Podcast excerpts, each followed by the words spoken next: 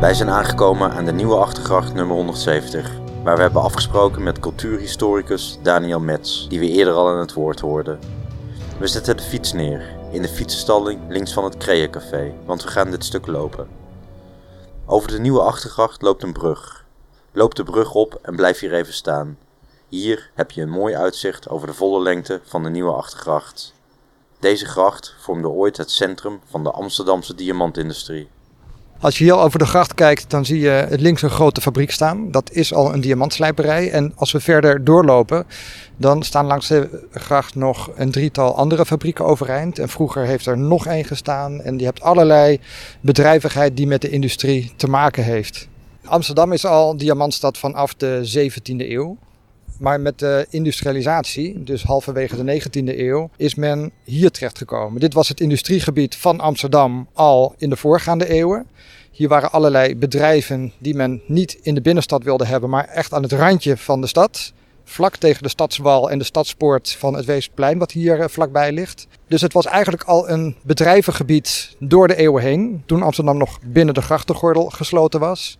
En langzaam maar zeker zijn hier grote bedrijven terechtgekomen. En de diamantindustrie is een van de sectoren die op dat moment enorm aan het groeien was. En die hebben deze plek uitgezocht vanwege de ruimte. En omdat het dichtbij de oude Jodenbuurt is, waar veel van de arbeiders vandaan kwamen. Dus het is ook op loopafstand. En als je over de gracht kijkt, alle factoren van de diamant komen hier terug. En ook de afsplitsingen die hiervan gekomen zijn.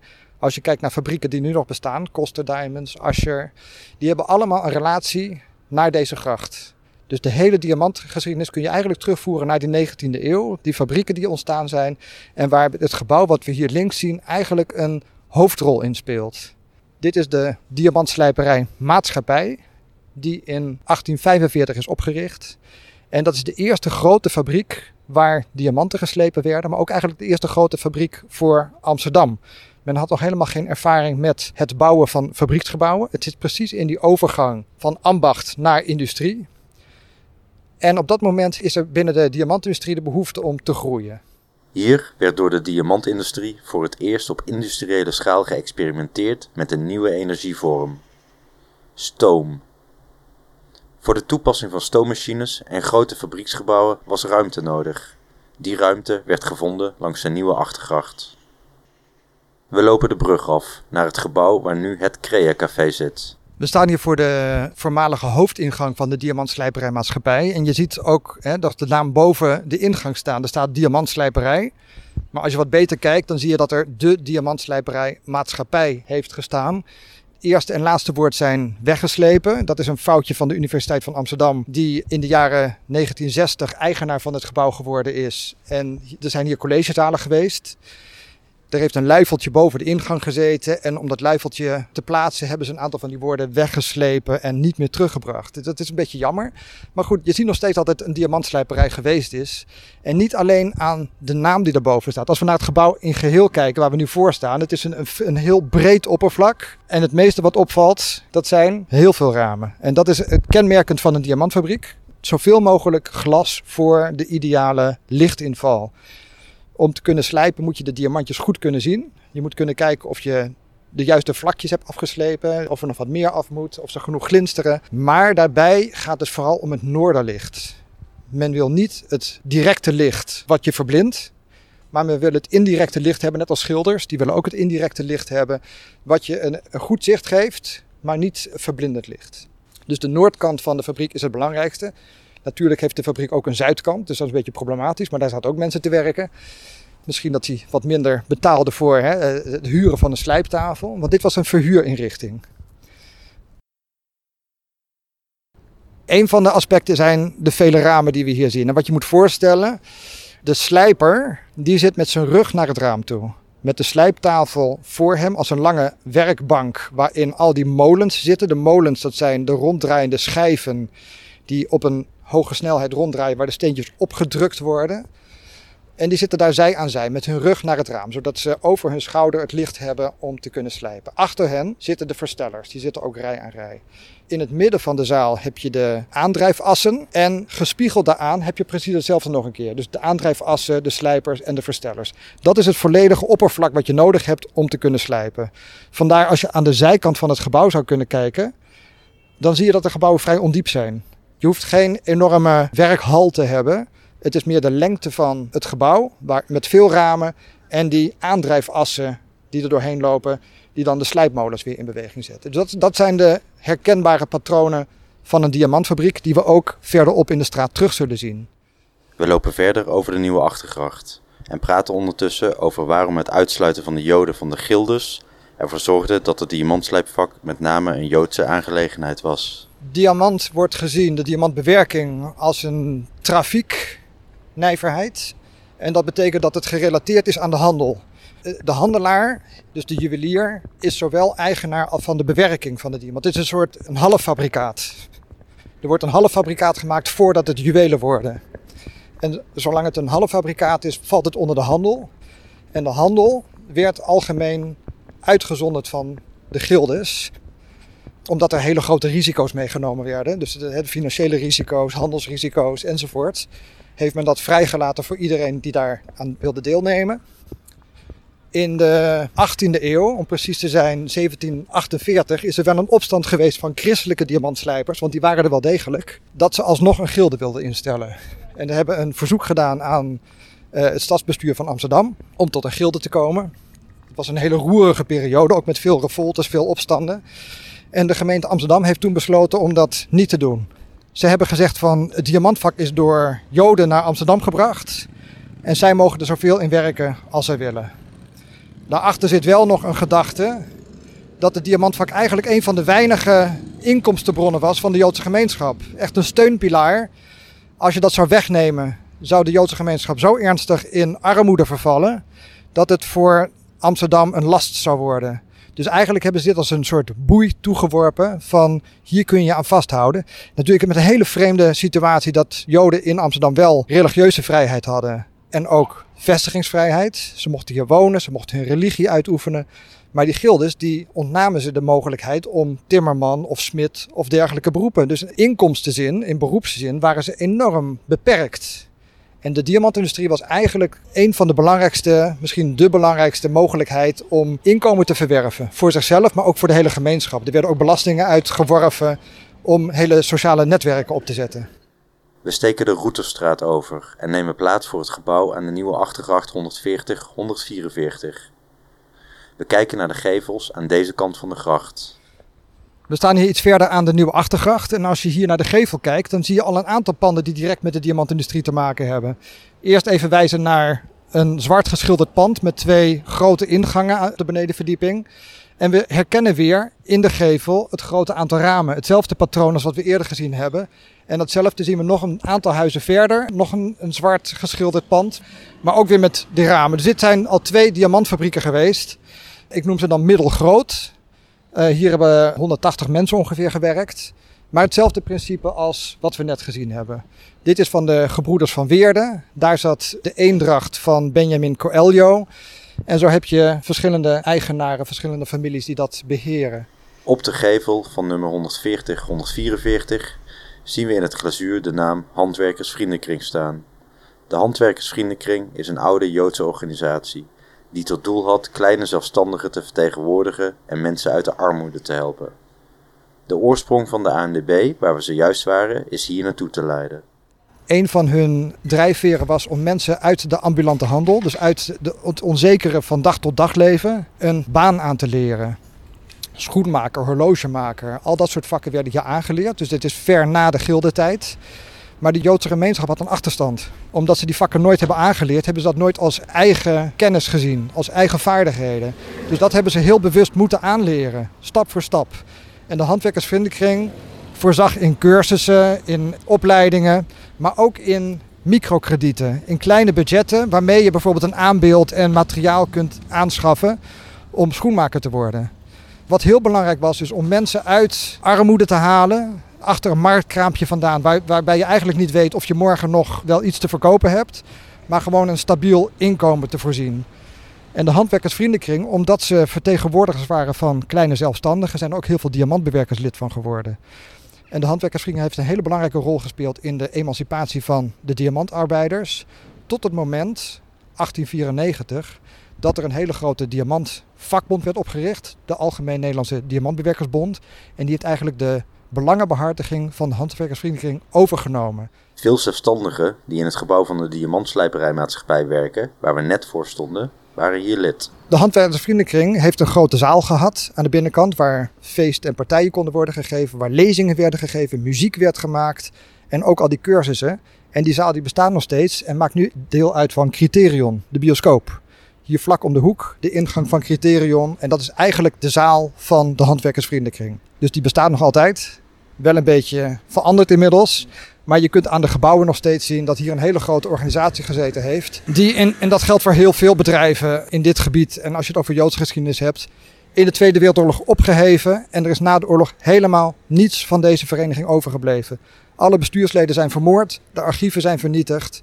De gebouwen zijn overgenomen. Eerst door de NSB en later is het dan bij Criterion gekomen, een studentenorganisatie om uh, studenten uh, ook voor inkomsten te geven. Maar het is een bijna vergeten organisatie die zo ontzettend veel voor de stad en voor de Joodse gemeenschap gedaan heeft, uh, waar zeker meer aandacht voor mag komen.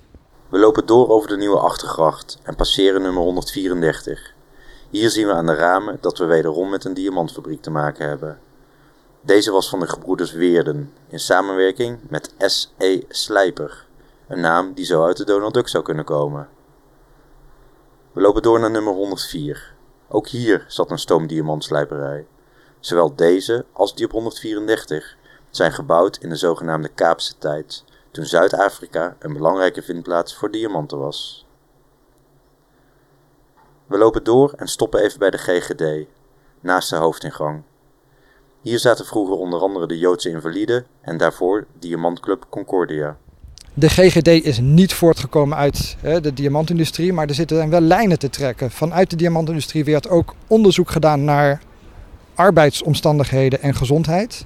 Samuel senior coronel is een arts die onder andere op diamantfabriek heeft gekeken hoe slecht het daar gesteld was met de gezondheidssituatie, de ventilatie, de, de grote hoeveelheden stof die in de lucht zaten, gasbranders die daar de hele dag stonden te branden. Dus er zat veel te weinig zuurstof in per kubieke meter had hij berekend. En dat was de eerste keer dat er op deze manier statistisch werd aangetoond hoe arbeidsomstandigheden op werkplaatsen waren. En dan hier in diamantfabrieken.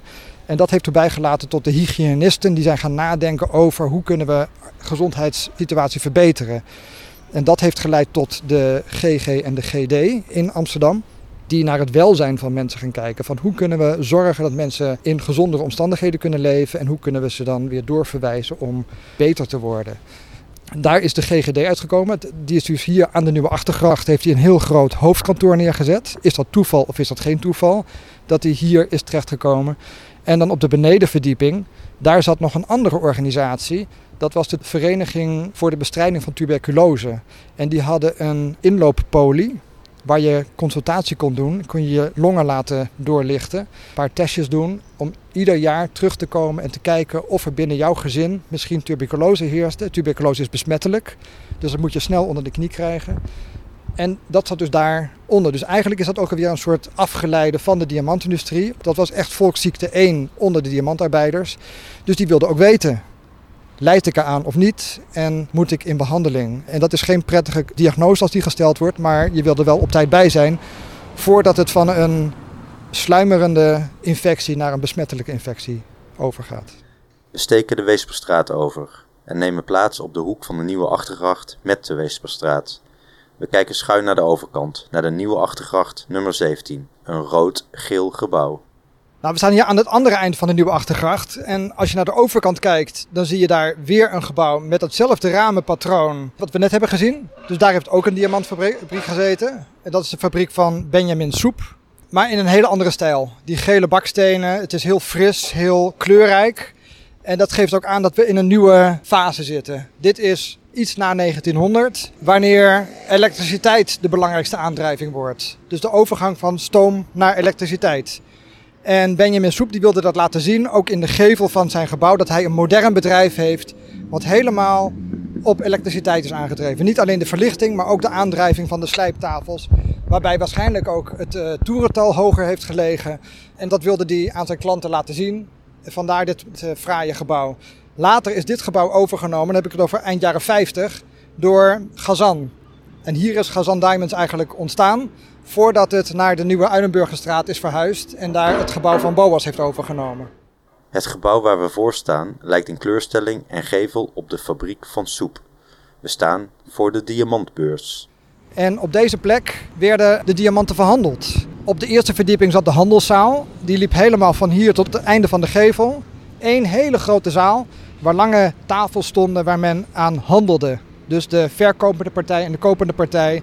Heel vaak makelaars tussen personen. Tussen degene die de juwelen van wil maken en de fabriekseigenaar die het verkoopt. En dat gebeurt allemaal hier. Een echt mannenbolwerk. Vrouwen kwamen er niet binnen, dan werd je bij de ingang tegengehouden. En het was eigenlijk ook een beetje een sociëteit waar men elkaar ontmoette en samen verhalen kon delen. De benedenverdieping, daar zat een restaurant in. Er zat zelfs een kapper in. Dus je, kon, je hele dag kon je hier doorbrengen. We lopen naar de oorspronkelijke hoofdingang op het plein, direct onder het torentje. Daar zien we nog twee tegeltableaus. We zien een slijptafel met een lampje daarboven en in de vier hoeken briljanten, geslepen briljanten. En aan deze zien we de Mercurius-staf van de handel. Dus eigenlijk staat hier verbeeld diamant handel. Nou, duidelijker kan het bijna niet. En die geven dus heel duidelijk aan wat er hier gebeurt. Hierdoor kwam men naar binnen toe. Hier zat een portier die heel streng oplette of iedereen wel lid was van de club en zijn contributie op tijd betaald had. En hier binnen kon je dan als sociëteit kon je contact hebben met beroepsgenoten. Loop even met ons mee het gebouw naar binnen en ga rechts de trap op richting het restaurant. Hier werden vroeger de deals gesloten. Oké, we zijn de diamantbeurs ingelopen. Een, een, hele grote statige trap op. Dat is eigenlijk het meest eh, prominente wat er nog aanwezig is van het eh, interieur. Nou, dit was echt wel een paleis. En zeker voor mensen die opgeklommen zijn, want daar moet je wel rekening mee houden. Dit zijn mensen die opgeklommen zijn uit armoede, zichzelf hè, diamantslijper geworden. En uiteindelijk zich opgewerkt tot handelaar en sommigen ook hè, tot hele bemiddelde handelaren. Is dit een enorme verworvenheid. Dat je hier binnen mag komen, je eigen sociëteit. Een ruimte waar je met gelijkgestemden bent. En dan zo'n mooie trap opkomen. Dus die is er nog. En heel blij dat hier nu eh, Capital C in zit, die het gebouw zo mooi gerenoveerd heeft. En op de eerste verdieping café Stan Co. En als je bij Stan Co naar binnen kijkt, dan kun je ook nog een beetje de omvang en de grootte van die diamantzaal, de, de handelszaal, zien. Het liep oorspronkelijk over twee verdiepingen. Die ruimte is nu weer teruggebracht. Maar dan moet je voorstellen dat het helemaal tot het einde van de gevel doorliep. Een hele grote open ruimte met lange tafels. Ja, het is heel mooi om het nu te zien, want je kunt het bijna verbeelden dat hier mensen zitten te handelen tegenover elkaar. En dan gaat het om kijken wat voor winst je eruit kan halen. Het is echt gewoon handjeklap van hoe staat de markt en hoe kun je je, je andere partij zo gunstig stemmen dat hij een bepaalde prijs wil leveren, dat jij er nog een beetje winst uit kunt halen. Dus het, het kunnen best lange sessies zijn waar mensen tegenover elkaar zitten. Als het niet direct lukt, dan stonden hier een aantal biljarttafels en dan ging men een balletje schieten. Men kon naar beneden gaan, naar het restaurant hier beneden, een gehaktbal eten of een soepje. En als men dan in een goede stemming was, ging men weer terug naar boven en dan was het de hand uitsteken, mazzel en brogen. En dat was de bezegeling van de deal. Dus als je dat hebt gezegd en elkaar de hand geschud, mazzel en brogen, dus een Joodse term die gebruikt wordt, dat is eigenlijk alsof je een handtekening onder een contract zet en daar kun je niet meer onderuit. Dan is de deal gesloten. Het diamantvak en de diamantbeurs zijn gestoeld op vertrouwen. Het vertrouwen tussen handelaren is heel erg belangrijk. En je hebt ook een arbitragecommissie die kleine geschillen kan, uh, kan bijleggen. Maar als je iets doet wat niet door de beugel kan, dan word je eruit geschopt en kom je er ook niet meer in. Het is een gesloten systeem en dan wordt wil niemand meer met je handel drijven. Dus het, het is een hele sterke controle. En dat gaat heel ver. Als ik als handelaar een partijtje van 50 diamanten heb, dan kan ik dat aan jou geven en ik zeg van ik zie je morgen terug. En zeg maar of je het wil hebben of niet. En dan de volgende dag komt hij terug en dan wordt het partijtje op tafel gelegd. En ik ga er blindelings van uit dat er 50 diamantjes in zitten van hetzelfde karaat. Dat er geen glasplintertjes tussen zitten, dat het klopt. Als je mij beduvelt, dan zorg ik dat je eruit ligt. Dus het vertrouwen is heel erg groot en men stuurt elkaar echt met bedragen van tienduizenden, misschien wel miljoenen euro's gewoon de deur uit. Van ik zie je morgen terug en het is oké. Uh, er zijn weinig bekende situaties van hele grote schandalen. Er werd wel eens een klein beetje ruzie gemaakt. Dat werd dan door de arbitrage opgelost. Maar dit soort principiële kwesties over de diamanten, dat ging altijd feilloos. Heel belangrijk en dat was echt een gesloten systeem. En daar zit ook voor een belangrijk deel in dat het elkaar door en door kende. Het is voor een heel belangrijk deel, die handelaren waren bijna allemaal Joods. Niet allemaal, er waren ook niet-Joden tussen. Er zat een vertrouwenskwestie in van we, we, horen allemaal bij dezelfde club. Als ik naast de pot pis, dan heeft iedereen er last van. Dus je probeert je eigen branche ook zuiver te houden en het vertrouwen zuiver te houden. Dus dat gebeurde allemaal op deze plek. De diamantbeurs werd gebouwd toen de Amsterdamse diamantindustrie haar hoogtijdagen beleefde. De locatiekeuze is strategisch, namelijk dicht bij het Amstelhotel. De diamantbeurs is geopend, dit gebouw, in 1911. Dus na de eeuwwisseling was er behoefte aan een groot nieuw gebouw. Daarvoor hebben ze een zaal gehuurd aan het Waterloopplein. Die zaal werd te klein voor het aantal handelaren dat er was. En ook de status die men had verworven. De diamantindustrie was echt op zijn hoogtepunt op dat moment. Niet alleen in Nederland, maar wereldwijd. Amsterdam had echt de naam als diamantbewerkende stad in de wereld. En van hieruit werden diamanten verhandeld. En men had behoefte aan een, een mooi monumentaal gebouw. Hier vlak om de hoek zit het Amstelhotel. In het Amstelhotel verbleven de handelselite, de hogere klasse van de handelaren die uit Amerika kwamen, maar ook uit Moskou, uit India, uit Engeland, die, die verbleven daar. Dus dat was een hele belangrijke plek, het eerste Grand Hotel van Amsterdam, waar die handelaren verbleven. En de diamantbeurs is eigenlijk dichtbij de verblijfplaats van die handelaren gaan zitten. Niet op het Waterloopplein, waar heel veel straathandel gedreven werd, waar het heel rumoerig is, waar je eigenlijk een beetje tussen het volk begeeft, maar juist een beetje aan de rand van de stad, bij een heel mooi plein. Je moet je voorstellen dat het Weesperplein een hele fraaie omgeving was, met mooie gebouwen en torentjes en allemaal chique gebouwen en het Amstelhotel hier vlak om de hoek. Dus dit was een hele gunstige plek om te zitten. De diamantbus is daar vlakbij gaan zitten en die, je kunt dus voorstellen dat die handelaren uit het Amstelhotel hier binnenkwamen en dat daar de handelaren op afvlogen en handeltjes wilden drijven en hun zaken wilden bespreken met die handelaren uit de hele wereld. We lopen de diamantbeurs uit en gaan naar de laatste locatie, de Professor Tulpstraat. Een statige straat die uitkomt op het Amstelhotel en nabij de vroegere entree van de stad gelegen is. Oké, we zijn in de Professor Tulpstraat en dit wordt wel het uh, fluwelen randje van de, de Jodenbuurt genoemd. Dus helemaal de buitenrand. Hier loopt de Singelgracht, de buitenkant van de Amsterdamse grachtengordel. En vlak voor, de, voor 1900 is de stad dan uitgebreid verder naar het oosten en buiten de, de grachtengordel. Maar dit randje hoort dus nog bij de binnenstad. En op deze plek is het Amstelhotel gekomen, waar we nu op uitkijken. En het Amstelhotel is het eerste Grand Hotel, het eerste luxe hotel van Amsterdam.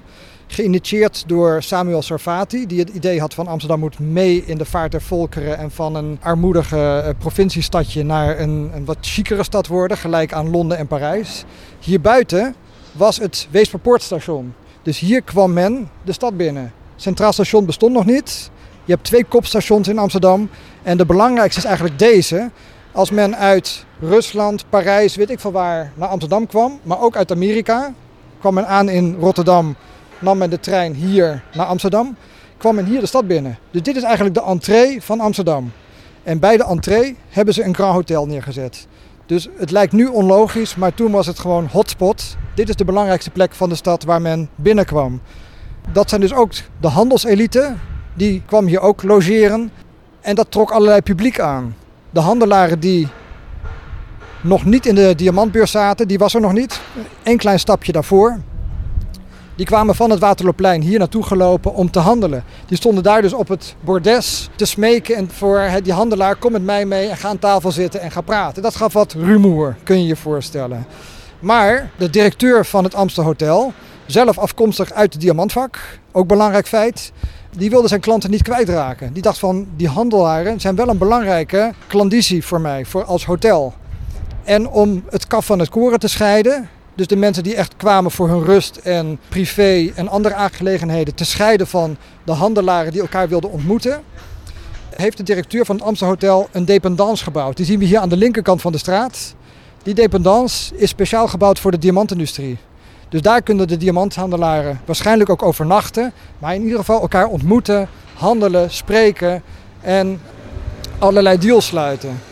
Later is dat overgegaan naar de diamantbeurs aan het Weesperplein. Een paar jaar later, dus in 1911, heeft de diamantbeurs een heel belangrijk deel van die rol overgenomen.